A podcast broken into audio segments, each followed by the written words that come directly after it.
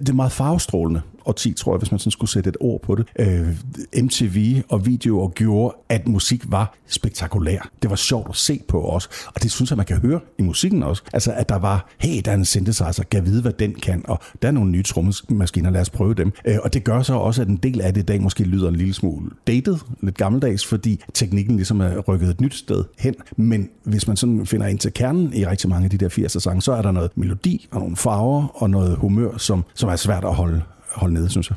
Værsgo at tage plads ved bordet. Velkommen til 80'er frokost med Flemming Nissen. Jeg glæder mig rigtig meget til at byde velkommen til dig, der lige nu lytter med ved den ultimative 80'er frokost. Jeg har pudset skoene, bundet slipset og musikerne ved at have stillet op i festlokalet. Vi er klar til dagens 80'er frokost. Det er ikke en helt normal 80'er frokost. Dagens gæst er nemlig et vaskeægte radioikon fra 80'erne. Ham, der skal sidde på den anden side af mig ved festen her, han har mødt nærmest alle de store på 80'ernes musikscener. Derfor så er der også lidt mere musik og meget mere snak om musikken i dagens 80'er frokost. Du kan glæde dig til at høre om, hvordan det er at få skæld ud af Annie Lennox, at spille fløde ned i skødet på en berømt interviewgæst, om at være i kibbutz i Israel og om at lave radio i 80'erne. Kom med på en sjov, hyggelig og uforglemmelig rejse tilbage til 80'erne sammen med dagens gæst, som er Lars Daneskov. Det her er 80'er frokost. Det første, jeg spurgte Lars om, det var, hvad 80'erne var for et årti for ham. Det var et øh, årti, hvor jeg gik fra i starten at være en, der boede i Vejle, spillede i et gymnasieband, tog til Israel, var lidt ude at rejse, kom hjem, kom på Journalisthøjskolen, kom på P3, øh, blev gift, fik mit første barn. Så 80'erne var et årti, hvor jeg vel kort fortalt gik fra at være ung til at være en slags voksen. Og alt det skal vi høre meget mere om. Men jeg er rigtig glad for, at, øh, at du vil hygge med mig her i 80'er-frokosten. Endnu en gang velkommen til. Tusind tak. Det her er 80'er frokost. Og du har øh, lavet masser af radio, før jeg fik lukket dig til mikrofonen. Øh, på Classic FM, der har vi nogle forskellige artister, som vi spiller lidt mere end andre. En af dem er Thomas Helmi. Mm-hmm. Og ham har du faktisk også haft en del med at gøre.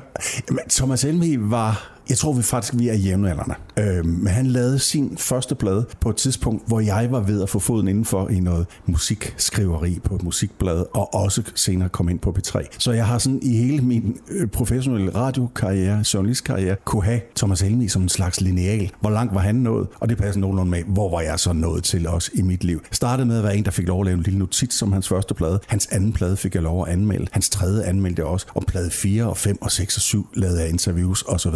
Og og jeg har, altså, jeg har mødt ham simpelthen så mange gange, så til sidst blev han sådan lidt mit symbol. Jeg tænkte, den dag vi ikke spiller Thomas Helmi på B3 mere, så må jeg jo også være den, der hopper videre. Øh, og, det, og det gjorde jeg faktisk. Altså, så Thomas Helmi blev min lineal, og en, jeg kunne spare mig i altid.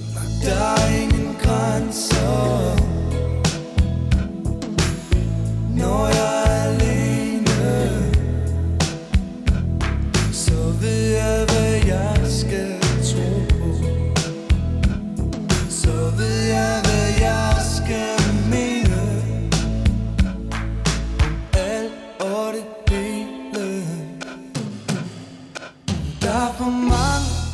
jeg jo skulle vælge de her fire sange. Den første, vi skal høre, hvad det er for en? Det er et nummer, som jeg faktisk ikke havde noget forhold til i 80'erne, men som senere blev en sang, som voksede voldsomt på mig, og som jeg faktisk endte med at bruge på Godmorgen P3, på P3, hvor jeg var øh, vært i 5-6 år. Der brugte jeg den som slutsang hver fredag, når jeg ligesom abdicerede, gik fra mit øh, store kongelige studie øh, på Statsradiofonien, så spillede jeg Night Shift med, med Commodores. For jeg synes, det var sådan en måde at, at pakke ugen ned på, og jeg synes, den havde en fantastisk øh, stemning. Og det synes jeg stadigvæk, og jeg kan stadigvæk få den der fornemmelse, når jeg hører de der første 27 sekunder med lidt, med lidt beat og så videre, og jeg ved præcis, hvornår jeg skal holde min kæft, fordi der kommer, kommer sang. Og jeg kan huske faktisk dengang, at det var så meget et ritual, så der var en enkelt fredag, hvor jeg ikke spillede den, for jeg tænkte, jeg skal ikke blive en kliché, der bare sidder og gentager mig selv, og måske skal jeg finde på noget andet. Der fik jeg klage fra et uh, slagteri i, i Slagelse, fordi uh, en havde simpelthen været ved at skære sig i fingrene, fordi jeg ikke spillede den sang.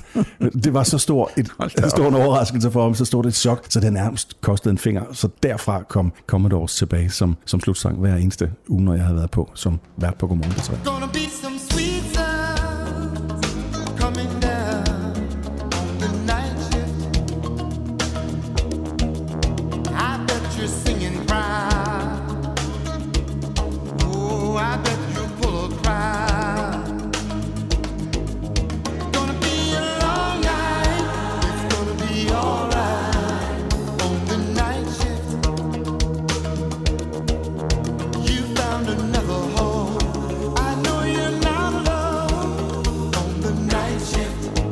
Lars, jeg kunne godt tænke mig at vide, hvad er det egentlig, øh, eller hvad var det, 80'er-musikken kunne eller kan øh, stadigvæk den dag i dag? Jamen, jeg tror, den først og fremmest kan noget for os, der var unge øh, og var ved at blive dannet dengang. Fordi jeg tror, hvis man er bare lige et par år ældre end mig, så vil man synes, 80'erne, 80'ernes altså musik er redselsfuld, eller hvis man er tilsvarende yngre, vil man undre sig over noget af det. Men øh, der er en... Øh, der er en, det er meget farvestrålende og 10, tror jeg, hvis man sådan skulle sætte et ord på det. Øh, MTV og videoer gjorde, at musik var spektakulær. Det var sjovt at se på også, og det synes jeg, man kan høre i musikken også. Altså, at der var, hey, der er en synthesizer, kan vide, hvad den kan, og der er nogle nye trommemaskiner, lad os prøve dem. Øh, og det gør så også, at en del af det i dag måske lyder en lille smule dated, lidt gammeldags, fordi teknikken ligesom er rykket et nyt sted hen. Men hvis man sådan finder ind til kernen i rigtig mange af de der 80'er sange, så er der noget melodi og nogle farver og noget humør, som, som er svært at holde holde nede, synes jeg. Blev vi fodret på en anden måde, fordi vi havde MTV og sådan noget dengang? Jamen, det var i hvert fald det årti, hvor øh, der lige pludselig kom billeder på, øh, på musikken med MTV fra starten af 80'erne og frem. Øh, så ja, det, altså, det var jo en ny kilde til det. I dag tror jeg ikke, du kan få folk til at sætte sig ved et fjernsyn og sige,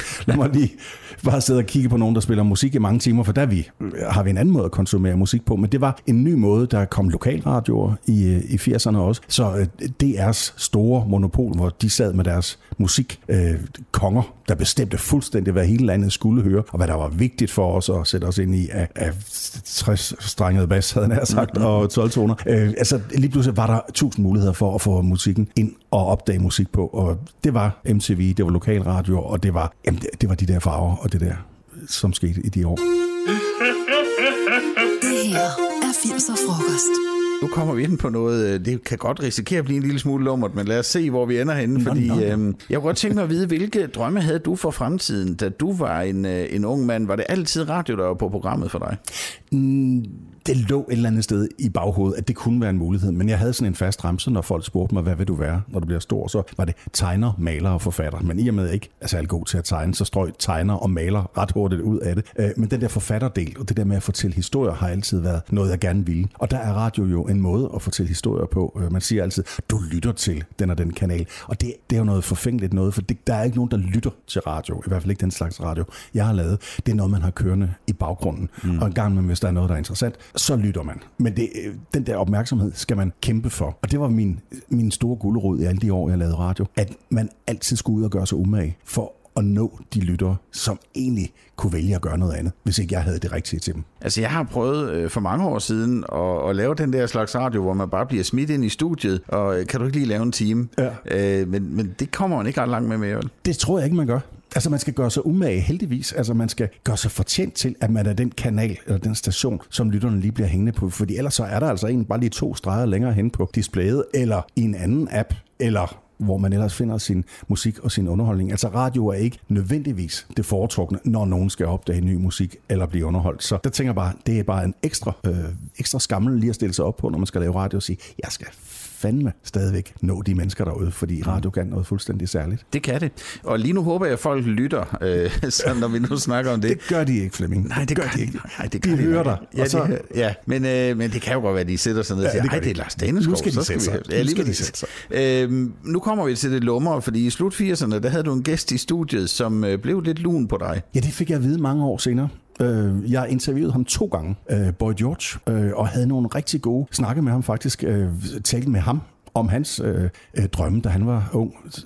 Hvad drømte du om, da du var ung? Vil du være fodboldspiller og så videre? Han svarede, well, I never wanted to be a footballer, you know. I got better things to do with my balls. Og havde sådan små ting, der hele tiden sådan kørte omkring noget øh, seksuelle øh, hensydninger og ansydninger. Og det, det kunne jeg godt mærke, det var en del af hans, hans spil. Øh, og jeg sad, øh, det var i et studie, øh, bag et studie eller omklædningsrum i tv-byen, og jeg kunne hele tiden se mit eget ansigt, fordi han sad med ryggen til sådan et sminkespejl, og jeg kunne se, at jeg blev rød rød i hovedet hver eneste gang, han kom med de der ting. Øh, men hvad jeg ikke fattede, det var, at han faktisk øh, havde lyst til, at vi skulle gå ud om aftenen. Vi skulle gå i byen, vi skulle alt muligt. Øh, og det fik jeg først at vide 25-30 øh, år senere, eller noget, hvor en siger, ved du godt, at det der foregik? Han var simpelthen, øh, han var vild med dig, han ville have haft dig med ud, øh, men du fattede det aldrig. Og jeg tænkte, nej, det fattede jeg aldrig. Altså dels er jeg virkelig meget fra Jylland, hvad det der angår. Altså, dels så var jeg gift allerede dengang, ikke? så det var ikke noget, der øh, sivede ind. Men det er sådan en børnebørnshistorie. Selvom de ikke ved, hvem Boy George er, så bliver jeg nødt til en gang at sige, ved I godt, at Boy George, han var forelsket lidt i morfar. Hvad havde du gjort, hvis han havde spurgt dig direkte? Jamen, så vil jeg... Øh, om jeg vil være med og drikke en øl, så tror jeg sgu nok egentlig, jeg vil have sagt nej. Altså, fordi det, det har altid været svært for mig at træde ind i de der øh, roller, hvor man skal være lidt noget andet, end man egentlig er. Og jeg er ikke en glamourøs mand, øh, som behøver at hænge rundt på en natklub med Boy George eller andre stjerner. Mit liv er et andet. Det er med, det er med familie, med, med børn. Så jeg tror egentlig, jeg vil have sagt tak for tilbuddet, men jeg skal noget andet. Ikke? Ja, men øh, sangen kan vi i hvert fald høre, uden at, at vi behøver at gå i byen for det. Det, det kan man sige, og uden at rødme.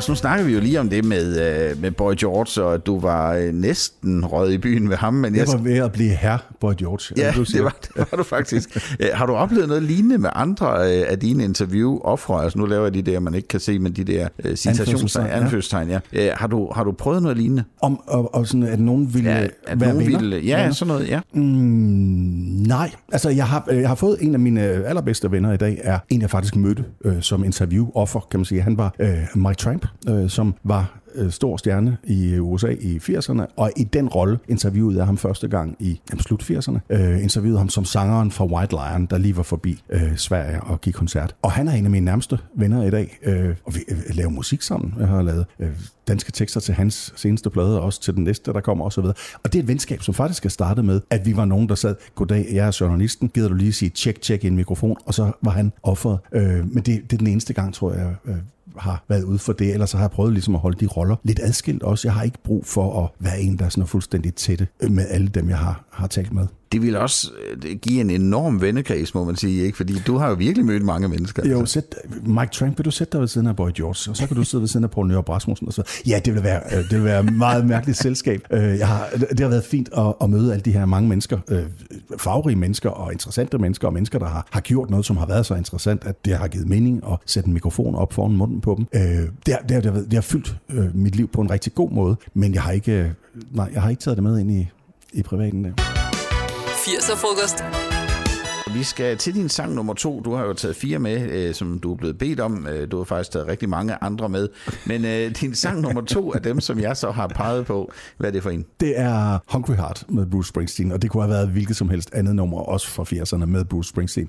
Jeg var kæmpe fan dengang. Altså han, øh, han ændrede mit liv. Øh, slut 70'erne var jeg Queen-fan, og Queen var poleret, og det var 500 lag af operastemmer i Bohemian Rhapsody osv. Pludselig stod jeg i et øvelokal øvelokale med et, øh, sådan et gymnasieband, og en sagde om en sang, jeg var kommet med, det der, det lyder som Springsteen-sang. Og jeg tænkte, Springsteen, hvem er det? Og måtte så gå om kul, eller ombord i øh, Bruce Springsteen, og fandt ud af, at det var en helt anden måde at tænke musik på. Der var ikke 500 lag. Det var umiddelbart, det var en guitar, og det var tre akkorder, og det var alt muligt andet. Det var en energi, som jeg bare tændte fuldstændig på. Så der var lige nogle år, hvor jeg var virkelig hårdt ramt med, med Springsteen.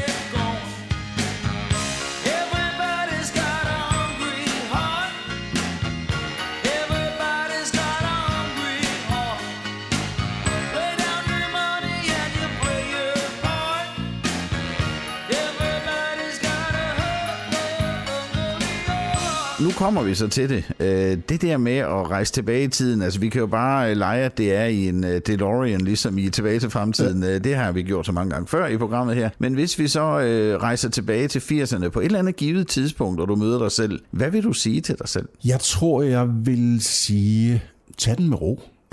Jeg havde nogle år, lige da jeg startede på P3, der, hvor jeg virkelig havde travlt og var meget blæst om kul af det der så at sige, sådan lidt eksotiske, der var i at være en, der kom fra Vejle øh, og hørte musik, optog på kassettebåndoptager og så videre, og lige pludselig stå på P3 på Statsradiofonien, hvor de rigtige stjerner kom, og hvor alle de rigtige radiostemmer øh, gik rundt og var mine kolleger. Der tror jeg nok, jeg lettede lidt fra jorden lige på et tidspunkt, og synes, at jeg var mere vigtig, end jeg overhovedet var. Altså jeg manglede en eller anden grad af ydmyghed, og blev ligesom revet med af det her, at nu var jeg ham der, Lars Daneskov fra, fra radioen. Så det tror jeg, jeg lige har sagt, du slap af, Lars. Øh, folk er ikke interesseret i Lars Daneskov fra radioen. De er egentlig bare interesseret i, at du er Lars, som er en sød mand, som opfører sig ordentligt. Det synes jeg så også, der er, vil jeg godt lige sige. Øh, men jeg skal, vil 80'er Lars være vild med øh, i dag, Lars? Han ville nok være overrasket øh, over, hvor gråhåret jeg var blevet, øh, for eksempel. Også over, at jeg havde fået øh, fire børn, og der ville være masser af ting, som jeg ikke kunne forudse dengang i hvert fald. Men jeg tror egentlig, han vil sige, at det var sgu en meget fin retning. Øh, jeg, når jeg kigger tilbage på mit liv, kan jeg godt nogle gange sige, at ah, der var lige et par sving, øh, hvor, øh, hvor jeg gjorde noget, som jeg måske, hvis man skulle have effektiviseret mit liv, vil sige, det behøvede ikke at bruge, øh, bruge tid på. Men på den anden side, øh, jeg er ikke en, der sådan bruger meget tid på at fortryde ting, fordi det giver simpelthen ingen mening. Man kan ikke lave ting om baglæns. Så det, øh, jeg tror, han vil, ham 80 Lars, han vil kigge frem og sige, det er sgu meget fint, Lars, øh, men hold kæft, hvor er det gråhåret. Det var han skulle sige. Du siger, du var oppe at flyve, mm. øh, og, og du blev måske det, man kunne kalde lidt fint på den. Øh, hvad fik dig til at lande igen? Fordi nu virker du da i hvert fald ikke sådan, vil jeg sige. Jamen, jeg, øh, jamen tak. Øh, jeg tror, at tiden har gjort det. Altså øh, ligesom finde ud af, at man ikke er sin professionelle identitet. Men jeg kan sådan huske, altså P3 var på det tidspunkt et lidt indspist sted. Altså vi var, vi synes vi var kongerne, og synes vi kunne tillade os alt. Og jeg kan sådan huske, et, det første interview, jeg nogensinde lavede live, var med Back to Back. Og vi var så optaget af, da vi skulle have dem i studiet, vi kunne høre, at et af numrene på den plade, vi skulle tale om, havde lånt lidt fra Michael Jackson. Og vi tænkte, det skal de konfronteres med. Og det gjorde vi sådan på sådan der helt, nej, nu skal I lige høre noget her. bad to bad, velkommen til, og så videre. Var, sådan, altså var arrogante, mm. som en i helvede. Og spiller øh, noget sammenklip, hvor vi har klippet Michael Jackson sammen med Back to Back, hvorpå Morten Remer, sanger af Back to Back, faktisk rejser sig og forlader studiet i det direkte interview. Det var det første interview, jeg nogensinde lavede live. Der forlader den ene gæst studiet, fordi han bare synes, at vi er nogle arrogante idioter, der sidder inde i radioen og tror, vi kan tillade os alt. Og mange år senere havde jeg ikke svært ved, da jeg mødte Morten Remer, at sige undskyld, fordi det var virkelig sådan et billede på, hvor vigtige vi synes, vi var. Og man er ikke vigtig, når man sidder i en radio. Så er man egentlig noget stemning og noget lyd henne i hjørnet. Så det mindste, man kan gøre, det er faktisk at opføre sig ordentligt. Så jeg tror, det var, det var sådan en langsom lære, det der med at lige få justeret sit ego. Mere vigtig er jeg ikke, og jeg er aldrig så vigtig i, i studiet, at den, der sidder over for mig, i hvert fald ikke er vigtigere. Altså hvis jeg har Paul Nyrup, eller Anders Fogh, eller Susanne Bjerghus som gæst i en udsendelse, så er det ikke mig, der er den vigtige. Der er min opgave at få dem til at, at fortælle så levende som muligt, og udkomme som det mest charmerende udgave af sig selv. Ja, dag. 80'er frokost. Det hedder Mogens. Lars Dansgaard, vi er nået til din sang nummer 3 i 80'er-frokosten i dag her, og nu, øh, nu bliver vi skal til udlandet igen. Ja, det er øh, i virkeligheden lidt en kliché, fordi det er en sang, som alle vil vælge, hvis de skulle vælge en af de bedste sange for 80'erne, fordi det er en af de bedste sange for 80'erne. Every Breath You Take med Police, som kan noget fuldstændig magisk øh, for mig. Den der svævende fornemmelse, der er, fordi det dybest set er de samme akkorder, der bare bliver gentaget og gentaget og gentaget. Den luftighed, der ligger i nummeret, gør, at jeg bliver, altså, jeg bliver virkelig salig, lige meget, hvor meget jeg egentlig hører den. Jeg hørte den første gang, da jeg skulle øh, i kibbutz. Det var noget, man gjorde i gamle dage, og godt måtte gøre i gamle dage. Tag ned til Israel og sige, jeg plukker lige nogle appelsiner for jer, og lader jer få overskud for det. Der hørte jeg første gang det her nummer, øh, da vi lettede fra, fra Kastrup og fløj afsted. Der kom det der i mine hovedtelefoner, og det blev sådan på en eller anden fasong sådan et symbol for mig på den der start på flytte hjem fra frihed og så videre, og kigge ud af, af vinduerne og kigge ud på noget blåt og nogle hvide skyer, og så kom det der dum, dum, dum, dum, dum, det der riffet, der bare lå og vuggede. Og jeg hørte det uafbrudt i jamen, fem måneder, tror jeg, da jeg var i kibbutz. Det var det store hit sammen med Culture Club og sammen med Lionel Richie og et par andre numre, så var det det nummer, der kørte ud fra alle radioer.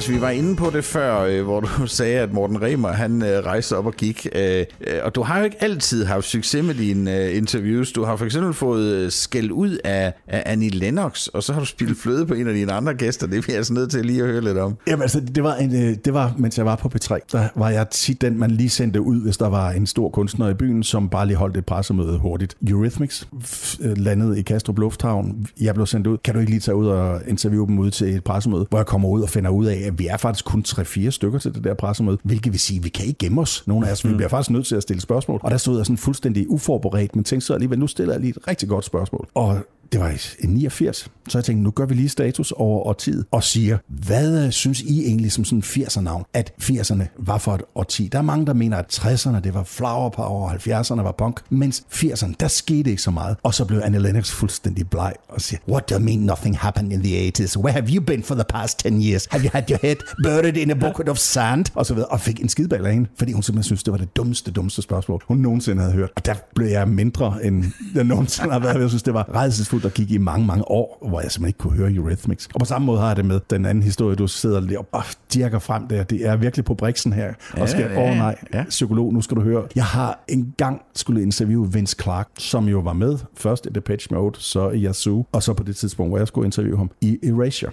Mm. Og det var sådan et interview, hvor jeg sad sådan i en lille stol. Han sad i også en lille stol på D'Angleterre, København. Stort hotel, bløde tæpper. Vi sad ved sådan et lille, meget lavt kaffebord med noget kaffe og noget fløde, som ligesom stod i, øh, stod i små kander. Og jeg sidder så og skal række min mikrofon hen over øh, det der lille bord, og min ledning på mikrofonen kommer rundt om flødekanden, så den ligesom følger med over i skødet på Vince Clark og ned på hans popstjernebukser, hvor han danser op og må sådan ligesom børste sig og danser over det i den der foyer og får det der øh, hvide mærke, eller det der mælk øh, våde mærke væk. Og det er bare øh, et trick til folk. Det er, det er bare skide dårligt at starte et interview med hælde fløde folk, eller på, på skødet af folk. Altså, det blev et mærkeligt interview. Fuldstændig kajtet. Jeg forstod heller ikke alt, hvad han sagde, fordi han havde noget meget britisk dialekt. Så den der fornemmelse af, det var en dør, jeg slet ikke skulle være gået ind af. Jeg skulle bare have sagt, okay, jeg, jeg pakker mig og går min vej igen. Hvordan samler man op efter det? Øh, fordi du skal jo holde den gående, du skal jo have noget med hjem, noget lyd med hjem, ikke? Jo, men jeg, jeg, jeg stillede jo mine spørgsmål, og har jo haft noget på mit bånd, men jeg kan intet, jeg kan intet huske af det, vi talte om, fordi jeg selvfølgelig stiger mig blind på det, som er det pinlige i det. Det ville man gøre i enhver sammenhæng, mm. også hvis det var en privat fest. Der, hvor man kom til at sige noget grimt til sin onkel eller noget. Det her tilfælde, jamen det var det, jeg kan huske fra det interview. Øv, da jeg spillede fløde i skød på Vince Clark. Altså, Det er stadigvæk en god historie. ja, men det er synd for hans bukser. Ja, det var det. 80'er frokost. Goddag, jeg hedder Lars Larsen, jeg har just sengetøjslærer. Jeg kan give dig et tilbud. Ja, Lars Dansgaard, vi var jo øh, inde på det tidligere, også lige for lidt siden. Øh, det der kassettebånd, øh, det, det kommer til at blive helt øh, mytisk, kan jeg høre nu, men øh, du havde et kassettebånd med, øh, som, da du skulle til Israel. Ja. Øh, hvad var det for noget? Jeg skulle være væk i et halvt år eller noget, så jeg vidste, jeg, skulle, jeg kunne ikke, ligesom i dag, tage en telefon med min Spotify-ting på, hvor jeg bare havde alt musik. Jeg måtte vælge, fordi det skulle ikke fylde for meget i rygsækken. Og på det tidspunkt var jeg meget vild med amerikansk musik. Vi har været inde på Bruce Springsteen, men jeg var også meget vild med John Cougar Mellencamp. Så John Cougar Mellencamp, som dengang faktisk bare hed John Cougar, smækkede jeg på hele den ene side af det her kassettebånd og hørte det i døgndrift. Uh, Jack and Diane, Hurt So Good og alt det på det album, som hed American Fool. Og jeg kan huske det møde, som jeg havde med mange af de der andre volontører, de der andre frivillige, som kom fra andre lande og arbejdede i samme kibbutz som mig. Der var mange amerikanere og øh, kanadier, som simpelthen blev overrasket over, at vi også hørte den slags musik i Danmark. Altså det var sådan, den gang man måtte rejse ud for at møde andre mennesker i dag, ville det kunne foregå på nettet, på Skype, hvor som helst, at verden er blevet mindre siden dengang. Men det var virkelig den der eksotiske, gud, hører I også det i Danmark? Øh, og gud, hvad hører du så ellers i Canada? Og finde ud af, at så forskellige er vi jo ikke. Det kan godt være, at nogen kommer derfra, og jeg kommer fra Nørup, lige uden for Vejle. Men der er nogle ting, som bare går øh, igen. Og i det her tilfælde, glæden ved at høre en mand med guitar og den her ungdomlige energi, den var vi i hvert fald fælles om. Nu sætter jeg så enten A- eller B-siden af dit uh, soundtrack til Israel-turen uh, på her med, med John Cougar Mellencamp. Sucking on chili dog, outside taste freeze. Diane sitting on Jackie's lap, got his hands between her knees. Jackie say, hey Diane, let's run off behind the shady trees. Dribble off those Bobby Brooks, let me do what I please. Say, oh yeah, life goes on long after the thrill of living is gone. Say, oh yeah, life goes on long after the thrill of living is gone. Walk on. Lars, øh, du, du fortæller, at du er i Israel, og vi har hørt, at det var kibbutz og sådan noget, men, men det må da have givet dig nogle solide oplevelser, der sidder på ryggraden resten af livet, det der. Jamen, det var jo en... Øh, jeg tror, det var min årgangsmåde at tage på højskole på. Altså hvis jeg siger ordet kibbutz i dag, så er der mange øh, yngre, som faktisk ikke ved, hvad det er. Øh, men i de år, sådan 70'erne, start 80'erne, der var det sådan en øh, måde, i hvert fald for mig, at tage ud og få sådan hele pakkeløsningen. Kom ud og opleve noget fremmed kultur. Det er der i den grad i Israel. Fremmed kultur, fremmede religioner osv. Øh, men også komme ud og møde en masse mennesker, som mente forskellige ting om verden, kom fra forskellige steder. Hele den der pakkeløsning. Øh, og så også lige se det der socialisme, som man brugte meget tid på i, på mit gymnasium. Hvordan var det egentlig i virkeligheden, når sådan en større flok på flere hundrede skulle være fælles om et, øh, landbrugsfællesskab, et appelsinfællesskab, sådan en, det her, som en kibbutz jo er. Øh, fungerer det egentlig i virkeligheden, eller er der også de der hierarkier, hvor der lynhurtigt er nogen, der egentlig er dem, der bestemmer over nogle andre osv. Alt det øh, kunne jeg ligesom mase ned på de der 5-6 måneder. Øh, jeg har ikke øh, overvejet nogensinde at tage tilbage til Israel, men er enormt glad for, at jeg var, øh, var væk den der periode, og især fordi det var, altså jeg var hvad, 18, 19 eller sådan noget, og det var sådan den der skrøbelige tid, hvor man stadigvæk oplever ting for første gang. Så det, det var sådan en meget dannende tur. Har du stadigvæk kontakt til nogle af dem, du var sammen med? Overhovedet ikke. Jeg var, øh, jeg, jeg var sammen med et par, som jeg havde arbejdet med i Legoland, øh, hvor vi sådan ligesom hen over en sommer havde sagt, hey, vil du også med i kibbutz? Og, mm, mm. og lige pludselig var vi nogen, der tog afsted sammen. Vi var ikke specielt tætte, inden vi tog afsted, og vi har heller ikke været det, øh, siden, jeg, siden jeg kom hjem. Men det var en god tur. Det var øh, rigtig fint og dejligt, og øh, som sagt, der er lige et par numre, som stadigvæk ringer i, i hovedet, når jeg hører Police, Every Breath You Take, når jeg hører John Cougar Mellencamp, øh, så, så er der nogle billeder med det samme. Ah, det var de der cirka 21 grader, da vi landede i september og dernede omkring Haifa i, i Israel i 1983. Walter, jeg tror, jeg er enig med min pilsner, når den siger, den gerne vil trækkes op. Det her er 80'er frokost. Lars, øh, vi er nået til det. Den sidste sang, som du har valgt at, øh, at tage med i dag her til 80'er-frokosten. Hvad er det for en? Det er When Doves Cry med Prince. Igen, der var et før og et efter, jeg så Prince, eller oplevede Prince første gang. Det, det var så mind-blowing, for noget til godt dansk. Øh, Jeg var inde og se Purple Rain i Imperial, eller i den store sal i Palace. I hvert fald et kæmpe lærred. Og det er ikke en særlig fantastisk film. Der er virkelig et lille, en lille handling. Jeg kan huske, der var en anmelder, der sagde, handlingen kan i dybest set stå bag på et guitarplekter. Og det er rigtigt. Så det er musikken, der ligesom skal bære den film, og det gør den i den grad. Og jeg kan huske, da jeg gik ud af biografen sammen med min ven, som jeg havde inde og set den med, brugte vi hele vejen hjem på at liste op alle de mennesker, som Prince lød som. Han var, der var noget Jimi Hendrix i ham, der var noget Sly and the Family Stone, der var noget T-Rex, der var simpelthen, hele musikhistorien var pakket ned i den her lille bitte mand på høje hæle fra Minneapolis. Og han gjorde ting på måder, som jo altså stadigvæk er jo unikke i dag. Der er nogen, der prøver at lyde lidt som Prince, men de har ikke det der det der vanvid og det der uforudsigelige, hvor man hele tiden tænker, jeg bliver nødt til at holde mig til stolen, for jeg ved ikke, hvor han vil have mig hen. Man skulle gøre sig umage som Prince-lytter. Altså, When Doves Cry lyder i dag som en popsang, fordi man har hørt det så meget, men dengang var det vanvittigt. Der er ikke bas på nummeret. Altså, man hører bare øh, en trommemaskine, og så er der et keyboard-riff, som øh, kører der ud af. Men det der traditionelle med, jamen, det er et fuldt band, der spiller. Jamen, det er ikke et fuldt band, det er noget andet, der ligesom laver nogle mærkelige lyde, og ham, der skriger, og ham, der Altså, det er vanvittigt. Stadig når jeg hører ham i dag, bliver jeg virkelig, øh, altså virkelig øh, bevæget og husker, hvorfor det er, jeg har brugt så meget af mit liv på at høre musik. Jamen, så lad os gøre os umage her og høre When Doves Cry.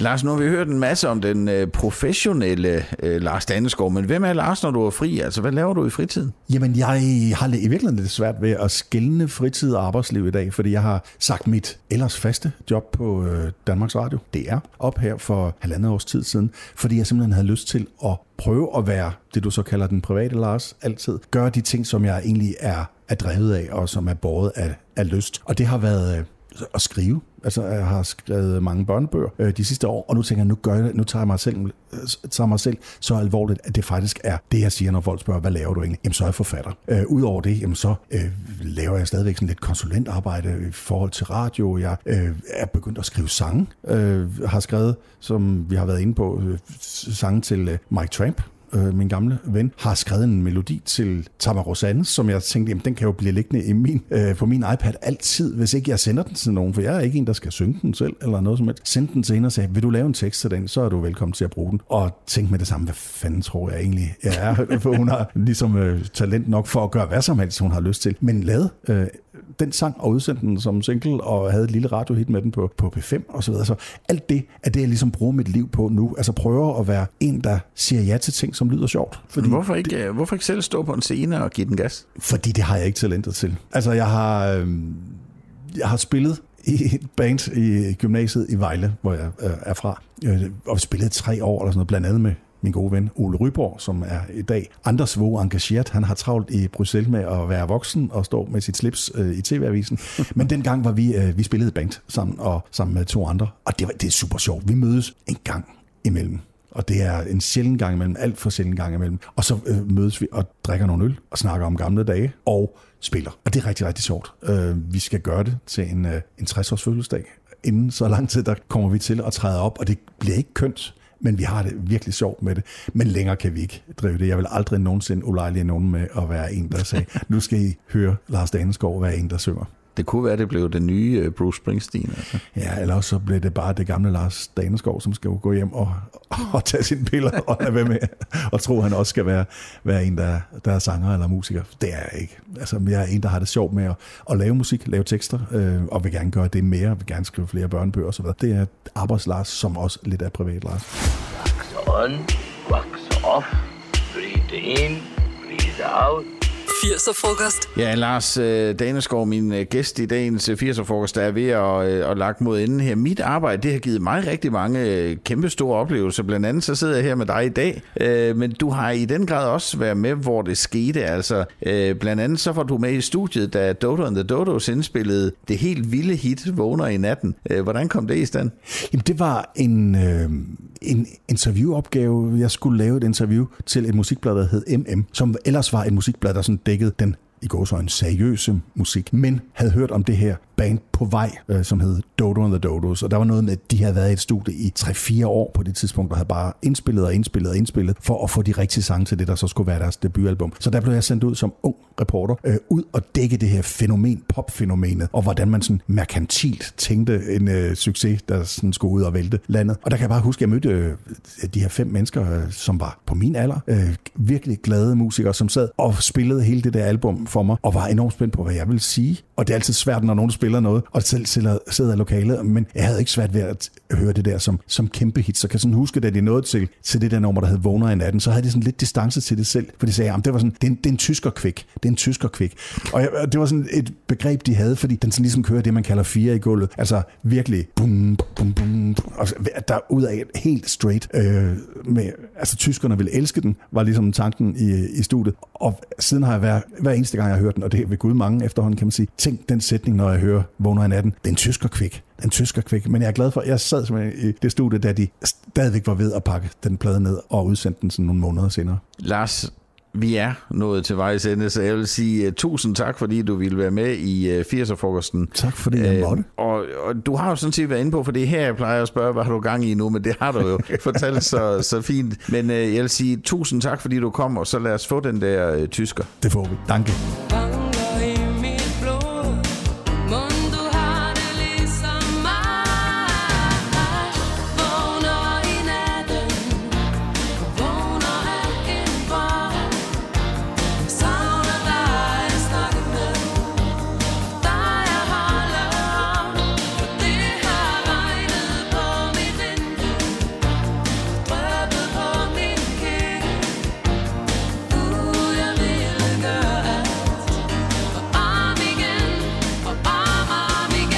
Var dagens menu ved 80'er-frokosten. Det var hyggeligt at sidde sammen med dig og dagens nye gæst. Endnu en gang tak til Lars Daneskov. Hvis du har oplevet noget fedt i 80'erne, som du ikke lige kunne fortælle her i dag, så del det endelig med os andre inde på vores Facebook-side Classic FM. Der kan du også følge med i, hvem der er og har været gæst her i 80'er-frokosten.